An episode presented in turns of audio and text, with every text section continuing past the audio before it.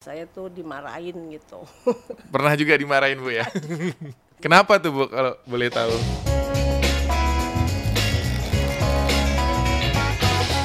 Wow, luar biasa teman-teman ya. Hari ini spesial banget. Kalau biasanya kalian lihat di main podcast itu kita kedatangan YouTuber ya kan, ada yang seniman, ada yang magician, ada artis segala macam. Hari ini kita pertama kali kedatangan tokoh eh, tokoh nasional ya saya bilang. Memang kalau membahas eh, kehidupan Bapak proklamator ya bangsa negara kita ini ya eh, sangat menarik sekali. Nah, tapi kan kita jarang dapat source atau sumber informasi yang sangat bisa dipercaya gitu ya. Hari ini kita beruntung sekali kedatangan salah satu putri beliau yaitu Ibu Sukmawati Soekarno Putri. Halo Ibu, selamat pagi.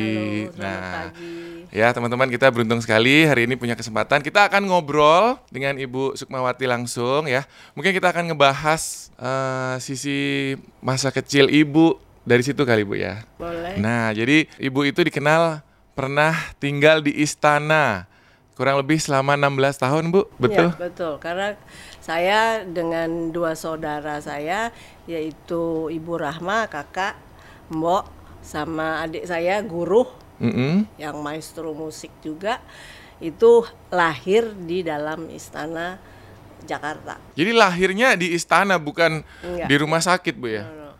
Jadi, Jadi dokternya kedatang oh ke dibawa ke istana. Iya. Istananya masih yang sekarang itu? Masih Istana Merdeka. Oke, yang di sebelahnya Monas itu ya? Iya, Dekat Monas. eh, Oke, berarti di situ ya. Nah, itu gimana sih Bu? Apa kalau sekarang kan kayaknya udah modern banget ya? Kalau zaman dulu pasti beda dong. Istananya. Iya. Oh iyalah masih banyak kekurangan walaupun seluruh isi istana dekorasi itu dan apa interior ya. Interior itu disusunnya diaturnya oleh presiden pertama kita Insinyur Soekarno. Walaupun itu kan belum bisa banyak beli yang bagus-bagus ya. Jadi lampunya belum kristal yang hebat Oke. gitu. Jadi lampu masih sederhana karena semua kan peninggalan Jepang ya. Gitu. Jadi juga karpetnya belum yang hebat jadi masih masih sederhana lah Tapi belakangan ini Ibu eh, pernah ke istana lagi? Sering masih main ke istana? masih waktu apa kalau upacara 17 Agustus kan keluarga Oh, selalu hadir ya. keluarga proklamator diundang dan wajib Dan kalau Ibu lihat eh, nuansanya bangunan belum berubah? kalau namanya dekorasi terus semua apa namanya eh, lampu apa karpet Ah, detail-detail berubah. udah hebat lah Tapi kalau struktur bangunan tidak berubah ya?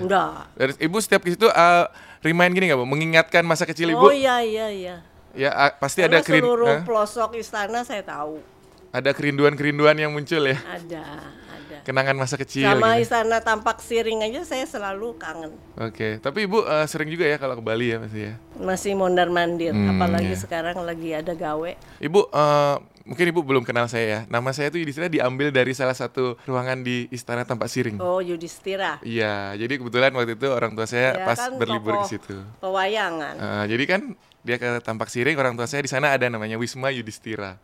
Akhirnya jadi nama saya. Nah, oke kita balik lagi kita ngebahas 16 tahun Ibu di istana pada waktu itu apa aja yang eh, dilakukan Ibu? Itu kan berarti masa kecil ya, belum sudah masuk sekolah itu Bu ya? jadi memang eh, dari kecil ya kita anak-anak itu anak presiden pertama itu dididik oleh Bung Karno dan ibu saya Fatmawati harus tahu tentang politik dan harus tahu seni budaya Indonesia.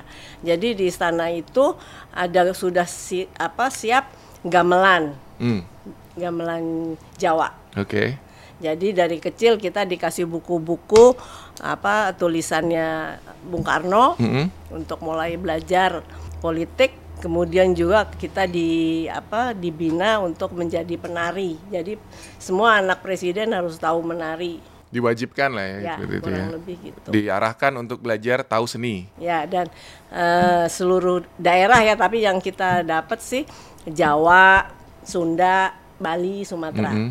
Oke, itu tarian-tarian yang eh, mayoritas lebih diajarkan gitu ya. Ya. Tapi Ibu sendiri tahu lebih dari itu pasti ya soal tarian kan banyak Kalau yang Ibu untuk pelajari. pendalaman sih memang secara tari memang hanya kurang lebih empat daerah itu Hmm. ya gitu dan Bali ya. Oke oke. Nanti kita akan bahas soal eh, seni ya Bu ya. Dari Ibu ini kan soalnya dikenal banget katanya cinta terhadap seni. Ada seni lukis juga nanti ada. Kemudian ada seni tulis. Ya, kita akan bahas itu nanti teman-teman ya. Jadi pastikan kalian dengarkan terus eh, podcast kita kali ini. Kita kembali lagi ke masa kecil ibu nih bu. Nah, pada waktu itu apa aja kegiatan ibu sehari-hari selain belajar Menari. tari ya? Selain menari, kalau sudah bisa menarinya, kita pasti dihadirkan untuk tampil pagelarannya tamu-tamu agung negara internasional ya, ataupun selalu upacara 17 Agustus itu selalu ada malam kesenian. Apa itu di istana, kemudian kalau waktu sudah ada Gelora Bung Karno itu sport center, kita juga menari di situ. gitu. Jadi eh, anak-anaknya semua diminta untuk Enggak, tampil. yang sudah lebih selalu tampil adalah saya dan kakak saya Rahma. Kalau eh, Pak Guru Enggak, belum satu. tampil, udah enggak tampil, hanya belajar aja. Oh mungkin karena masih eh, kecil atau bagaimana? Ya, dan memang yang ditampilkan selalu cuma kita berdua yang paling sering. Bu Mega sendiri walaupun bisa menari juga jarang tampil. Jarang tampil. Oke, itu kegiatannya ya. Jadi kalau ada Kemudian tamu, juga di samping itu setelah eh, saya suka olahraga, jadi eh, my life is my sport. Setiap hari ketika sudah mulai SMP lah ya, SMP itu saya selalu setiap hari pulang dari sekolah pasti terus olahraga, macam-macam olahraganya, sampai akhirnya yang terutama yaitu bulu tangkis dan basket. bulu tangkis dan basket. Sampai hari ini ibu masih rajin olahraga juga? Sekarang sih karena sudah lansia ya, jadinya ya mesti tahu nggak boleh yang terlalu keras. Iya, jangan basket lagi bu. Cari yang ringan-ringan bu. Tapi kan tetap kita harus ada pergerakan gitu ya. Iya. Mungkin senam gitu ya, Ya, bisa betul, dilakukan. ya. Nah kita bahas ke Bung Karno ya bu ya. Hmm. Nah pada waktu itu eh, seperti apa sih eh, didikannya mungkin kesehariannya seorang Bung Karno terhadap anak-anaknya? Bung Karno tuh kan super sibuk ya sebagai presiden, jadi sangat sedikit waktu untuk anak-anak. Paling tidak kita kalau sebelum berangkat sekolah pagi-pagi itu kan sudah siap Bung Karno untuk untuk apa bekerja ya, rapat dengan teman-temannya. Jadi kita sebelum berangkat sempat hanya untuk cium permisi kita mau belajar sekolah gitu. Terus eh, itu waktu Terus juga siang, siang hari. Kalau apa lunch time gitu, waktu makan siang, kita pulang sekolah, kita makan siang suka bersama Bapak. Dan di situlah tempat kita apa sempatlah membahas apa politik, apa seni budaya. Jadi ketika makan siang ibu bertemu lagi nih ya, Ya. dengan dan dari kecil ibu dari usia dini itu di bawah 16 tahun itu sudah diajak eh, bicara tentang politik juga. Mm-mm. Karena lebih lebih fokus ketika SMP. SMP kan udah mulai lebih bisa lah mulai belajar mau tahu tentang politik. Jadi politiknya ya buku-bukunya Bung Karno mesti tahu dulu apa itu nasionalisme gitu kurang lebihnya. Oke ya, jadi mepet istilahnya waktunya untuk bertemu even sama orang tua sendiri gitu Bu ya, karena kesibukannya sebagai seorang presiden pada saat itu. Kadang-kadang kalau masih ada waktu, umpamanya sore kita sedang ada les gitu belajar apa gitu, terutama umpamanya contoh soal matematik gitu kan susah ya. Bung Karno sempat apa menengok dia kasih tahu kan dia insinyur. Jadi beliau oh kamu ini tahu nggak ini ini nih gitu seperti juga menjadi guru gitu. Jadi bisa jadi pembimbing ya. Ya. Kalau malam hari gimana Bu? Ketemu lagi kah malam hari Ya itu gitu? kalau sempat kita sedang belajar kan, belajar sendiri gitu. Nah, dia kasih kasih arahan. Kasih arahan. Apakah ini juga nggak sih Bu? Eh, galak nggak sih Bu? Apa gimana? Kata orang kan tegas nih ya, Oh ya, tegas. he's very sweet. Manis sih aslinya Bu ya. Iya, cuma ada ada satu momen lah saya tuh dimarahin gitu. Pernah juga dimarahin Bu ya. Kenapa tuh Bu kalau boleh tahu? Eh, tidak mengikuti instruksi. Oke. Jadi seorang putri presiden juga ini ya pernah dimarahi oleh presiden loh yang marahin Bu ya. Dan itu kalau Ibu misalkan lagi belajar gitu bersama-sama dengan saudara-saudara juga atau sendiri-sendiri? Biasanya sama guru. Sama guru. Lebih dekat sama guru ya. Mungkin usianya lebih saya dekat. lebih dekat dengan guru. Oke ya. Nah, sekolahnya juga bareng Bu berarti ini? Ya, bertiga di ya di sekolahan. Sekolahnya sama ya. Iya. Kalau sekolah berarti Ibu eh, keluar istana. Ya, Terus nanti waktu itu ada ini juga pengawalan atau apa? oh ya, iya. Ya dikawal ya. Iya. Oh, Berarti nanti di sekolahnya dijagain, ditunggu Iya, gitu Bu iya, ya. iya. Setelah itu Latihan eh, olahraga aja juga ada yang awal. Oke, kurang lebih seperti itu ya teman-teman ya. Waktu kecil aku penasaran soal politik tadi Bu ya. Kan Bu bilang dari kecil sudah berkomunikasi lah istilahnya ngobrol soal politik juga. Hmm. Apa aja yang di diajarkan itu Bu?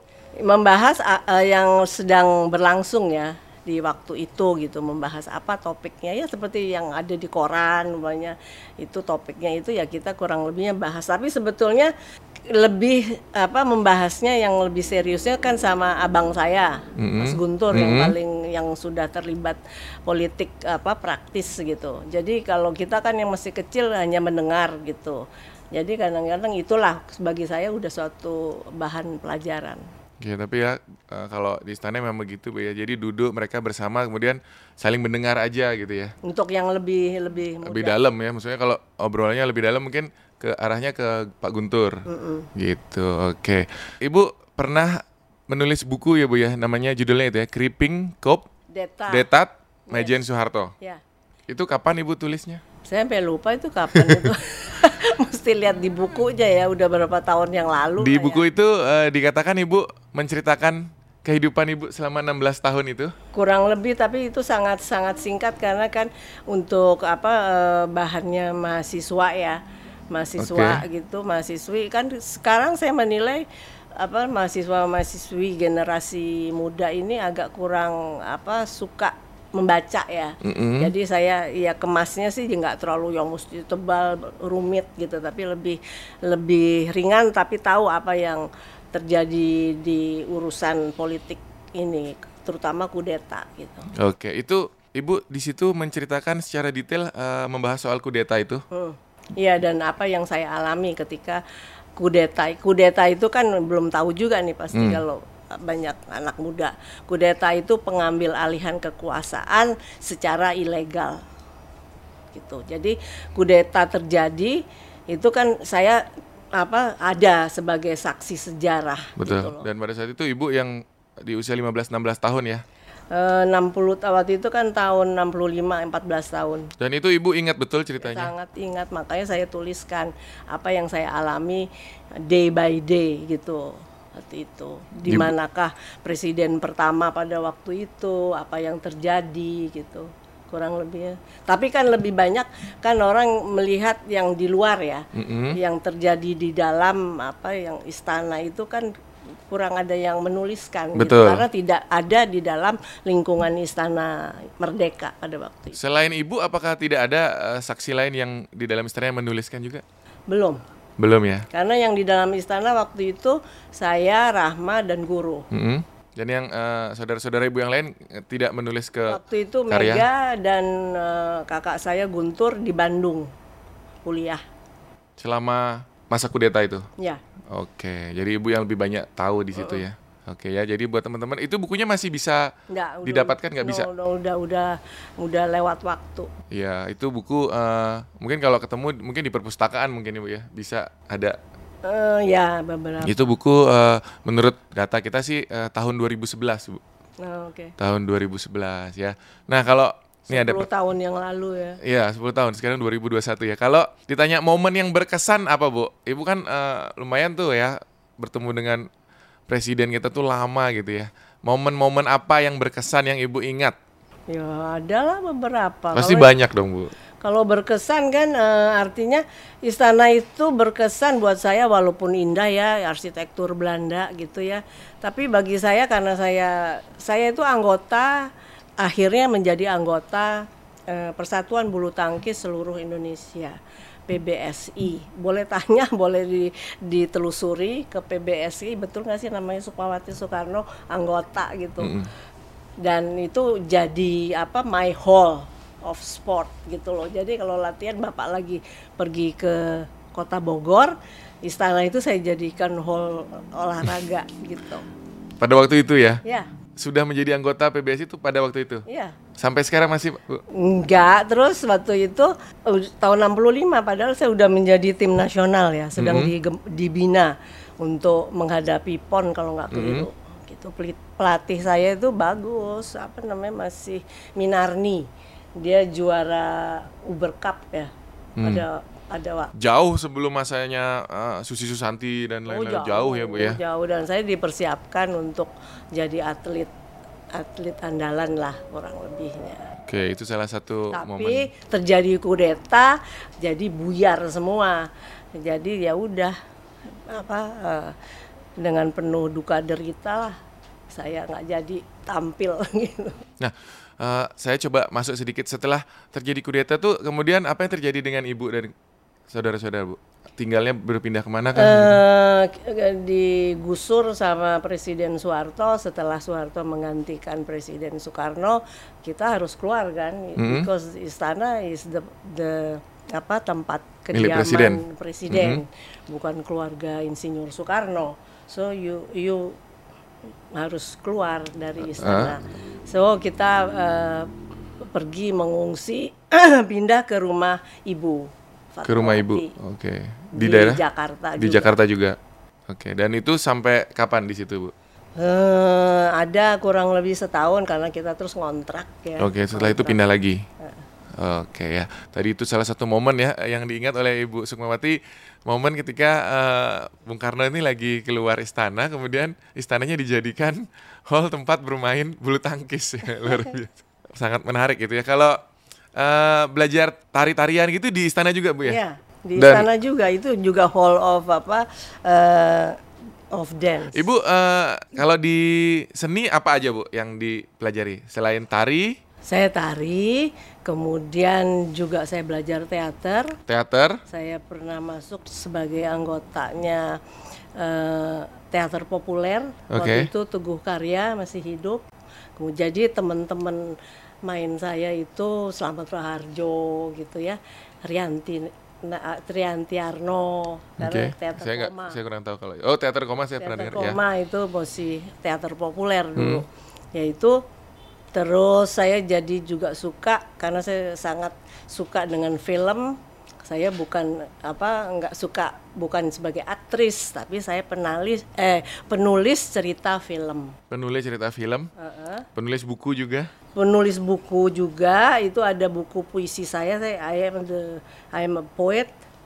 Jadi saya menulis syair dan sudah dialbumkan buku dua dua, dua buku yang isinya tuh uh, hanya puisi saja? Iya, puisi saya. Satunya judulnya Puisi untuk Bapak. Puisi untuk, untuk Bapak. Bapak. Dan yang kedua Ibu Indonesia. Ibu Indonesia. Saya nggak tahu ya Yudis pernah dengar sih apa enggak? Pernah saya dihebohkan. Mm -hmm. Berita yang sangat iya, iya. heboh. Yeah, yeah. Jadi katanya trending topik mm -hmm. urusan urusan puisi saya saya membacakan di suatu acara fashion week. Mm-hmm, iya ya, tahun 2018 tuh Bu ya. Kalau nggak keliru ya. Iya, ya, iya, iya, ya. Itu lumayan ramai waktu itu beritanya Ibu. Iya, habis mereka ramaikan padahal indah sekali, cantik sekali, elok sekali untuk di syair saya ya. Syair saya itu. Isinya yeah, yeah. bagus sekali. Sempat saya dengar juga kan masuk di berita-berita, kemudian berlanjut beberapa waktu dan sekarang uh, masih berlanjut atau sudah selesai bu? Urusannya? Iya. Oh tidak ada pidana. Tidak ada ya. Enggak. Pada waktu itu kan uh, beritanya sampai dilaporkan dan sebagainya. Iya, tapi nggak ada unsur pidana enggak kok karena itu kan fashion. Saya saya ahli fashion juga, jadi juga saya juga ahli di dalam seni budaya lah.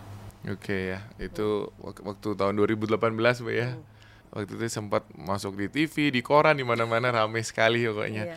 Itu uh, karena salah satu puisi itu bu ya? Iya puisi ibu tuh ya, yeah. yang dianggap menyinggung pada waktu itu. Yeah. Itu ya. Tapi tidak ada unsur pidana nih menurut Ibu Sukmawati. Jadi sudah clear seharusnya ya. Jadi memang sudah dong. Iya, clear ya karena tidak ada unsur pidananya ya. Hmm. Jadi selain uh, tadi puisi sudah ada dua buku ya. Kalau yang selain puisi ada buku-buku lain, Bu? Politik ya itu apa? Buku politik. Politik yang tentang penjelasan tentang kudeta itu.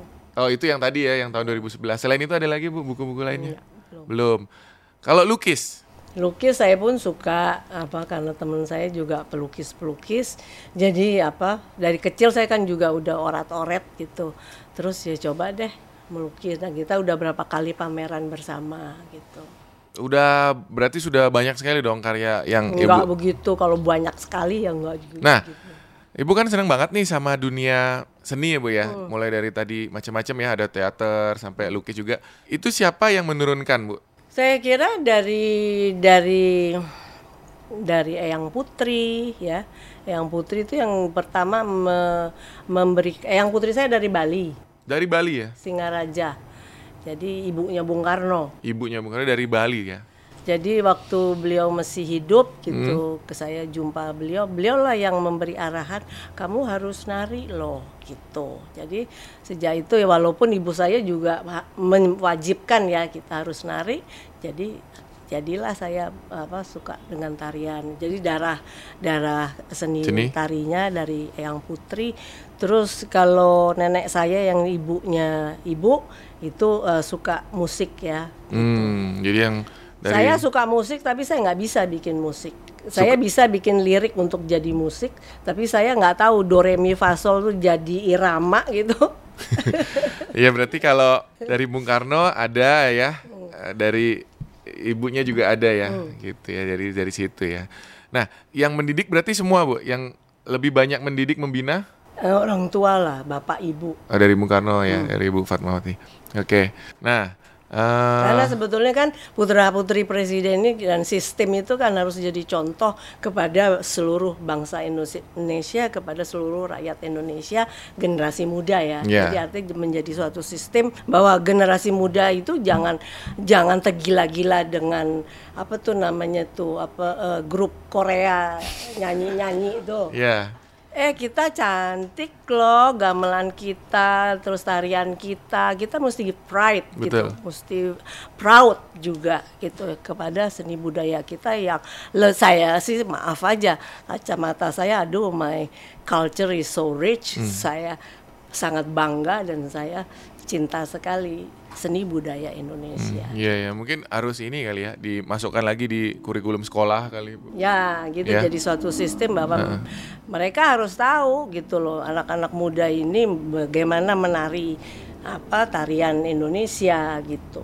Walaupun cuma satu daerah, you must gitu, you must know how to move, how to dance gitu. Kalau ditanya tarian daerah mana yang ibu paling favorit atau seninya deh secara keseluruhan? Eh, saya suka Bali sama Sumatera. Bali dan Karena Sumatera. karakternya itu eh, dinamis, energik ya. Saya suka yang Hmm, banyak bergerak terus It's my gitu. ya. soul gitu loh. Oke. It's my spirit bahwa saya suka yang dinamis, saya suka yang energik. Kalau Jawa gitu itu melatih kesabaran Hmm, ya. kalem dia bu ya. Ya, halus. Walaupun walaupun untuk gerakan lelaki, gerakan lelaki itu ad- kan lebih lebih agak kasar ya dibandingin gerakan wanita. Tapi saya tetap eh, suka ini Bali sama Sumatera. Bali dan Sumatera itu eh, dua daerah yang salah satu apa yang cukup terfavorit bu ya untuk seni gitu ya. Nah kalau sekarang bu belakang-belakang ini apa aja keseharian ibu kegiatan ibu? Nah sekarang gini 15 tahun saya sangat apa eh, sangat aktif untuk eh, menjalankan visi misi politik. Karena saya seperti mempunyai apa tanggung jawab dari senior tokoh-tokoh Partai Nasional Indonesia. Makanya saya bolak-balik juga termasuk di Bali kunjungan kerja waktu itu. Kan partai-partai 99 itu boleh macam-macam Hmm, partainya ya banyak sebelumnya kan ada tiga tuh. Ah, Heeh. terus kan berkembang silahkan boleh terus jadi kita saya termasuk jadi PNI dalam PNI 15 tahun saya eh, aktif di dalam politik Eh, seni budayanya jadi eh, tiarap dulu gitu kan walaupun penuh inspirasi pengen ini pengen itu pengen buat ini buat itu tapi ya udah tiarap dulu gitu. Jadi 15 tahun saya ikut pemilu gitu apa eh, sekarang 2000 dari 2014 politiknya nggak menang kan. PNI udah nggak nggak ikut serta. Terus saya pikir ah udahlah sekarang waktunya saya harus menghidupkan my talenta yang seni budaya gitu yang di mana terpendam secara 15 tahun lebih gitu. Jadi saya harus wujudkan lagi cita-cita saya untuk seni budaya itu dan inspirasi saya yang sudah terpendam lama itu adalah kreasi Bali. Jadi kebetulan lah itu petunjuk Tuhan kan ya bahwa saya mendapatkan partner anak muda Bali yang juga koreografer gitu ya yang sudah menggarap beberapa apa tarian dan dia juga pernah mungkin eh, dikenal sama anak generasi muda ini eh, menggarap tarian. Tidak untuk publik sih sebetulnya, lebih lebih internal. Kita kan punya The Soekarno Center Iya. tentang Yudis mesti datang tuh. Saya pernah datang. Udah pernah datang? Ya, ada dua tuh yang saya datang, Bu, di Tampak Siring sama yang di Renon. Oh Bukan ya, ya? sudah ya. Iya. Ya pokoknya itu center untuk Iya. no- apa Bung Karno kan ya. Oke, terima kasih. Sama-sama, Ibu. Karena saya pembina di situ, jadi itu lebih ke internal ke Oke. apa aktivitas Soekarno Center gitu. Di situ apa namanya Bagas Karayana. Bagas Kara. Karayana. Bagas Karayana. Dia yang jadi apa penata tari untuk apa Bedoyo Segoro Kidul apa gitu ya. Oke. Ya gitu jadi jadi saya kenal kemudian nah ini petunjuk Tuhan untuk menjadi apa partner saya di dalam me- me- mewujudkan cita-cita saya di dalam membuat suatu pagelaran tari dan musik Oke. Apa namanya judulnya adalah topeng-topeng. Topeng-topeng. Nanti musiknya juga tidak terlepas dengan teman saya sealumni dulu dari LPKJ Kesenian Jakarta. Ibu dulu kuliah di situ ya? Ya, kemudian kan berubah jadi institut gitu, Institut Kesenian Jakarta. Nah itu alumni saya, partner saya dia musik, saya tari di akademi. Kemudian namanya Frankie Raden.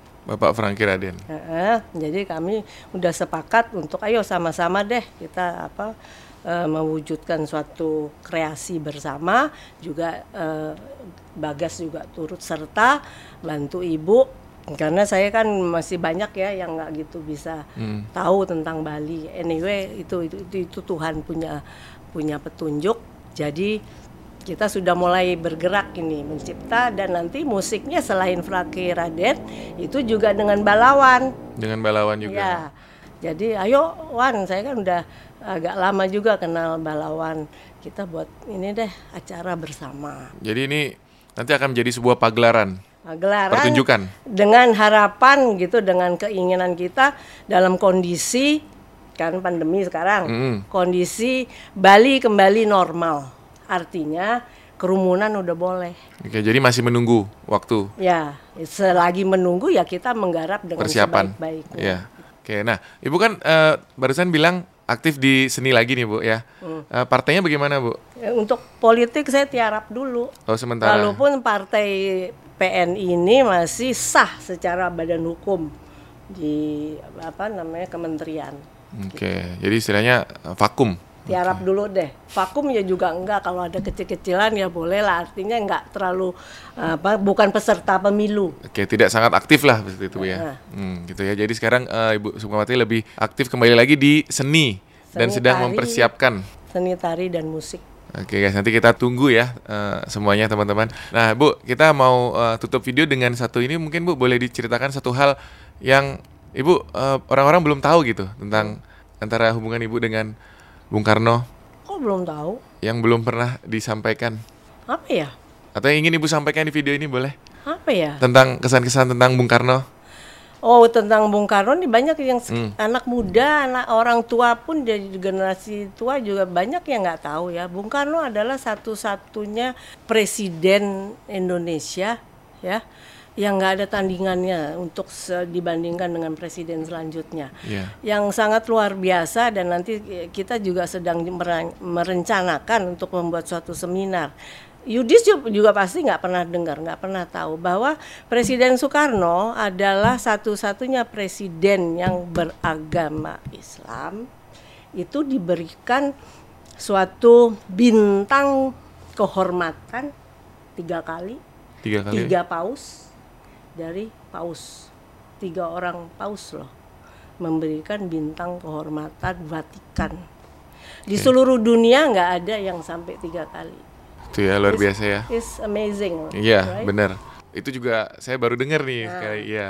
Jadi kita harus akan memberikan akan membuat suatu seminar politik ya juga dari pihak Vatikan supaya juga hadir sebagai narasumber. Hmm. karena itu saya pikir suatu luar biasa gitu loh. Kenapa? Eh, tiga paus kalau satu paus is diplomasi ya diplomatik lah. Tapi ini tiga paus jadi itu perlu dijelaskan oleh yang bersangkutan kenapa paus memberikan bintang kehormatan. Dan tidak ada lagi presiden dari dari agama Islam yang mendapatkan bintang kehormatan sampai tiga kali. Oke, luar biasa ya. Itu dia tadi uh, yang kita belum pernah banyak dengar mungkin ya. ya. Uh, Ibu, terima kasih banyak sudah hadir di sini. Teman-teman, tadi kita banyak uh, dengar mungkin sejarah yang sudah lewat dan kita banyak belajar juga hal-hal mendasar ya, termasuk seni mungkin yang harus kita terus lestarikan, nggak boleh sampai punah. Tadi Ibu Sukmawati sempat sampaikan anak-anak muda sekarang lebih banyak ke arah Koreaan gitu ya. Hmm. Harus kembali lagi ingat ke asal kita dari mana dan melestarikan kurang lebihnya seperti itu. Ibu, kita tutup di sini podcastnya. Terima kasih sudah hadir. Sukses terus untuk Ibu Sukmawati. Ya, terima, kasih. terima kasih Ibu.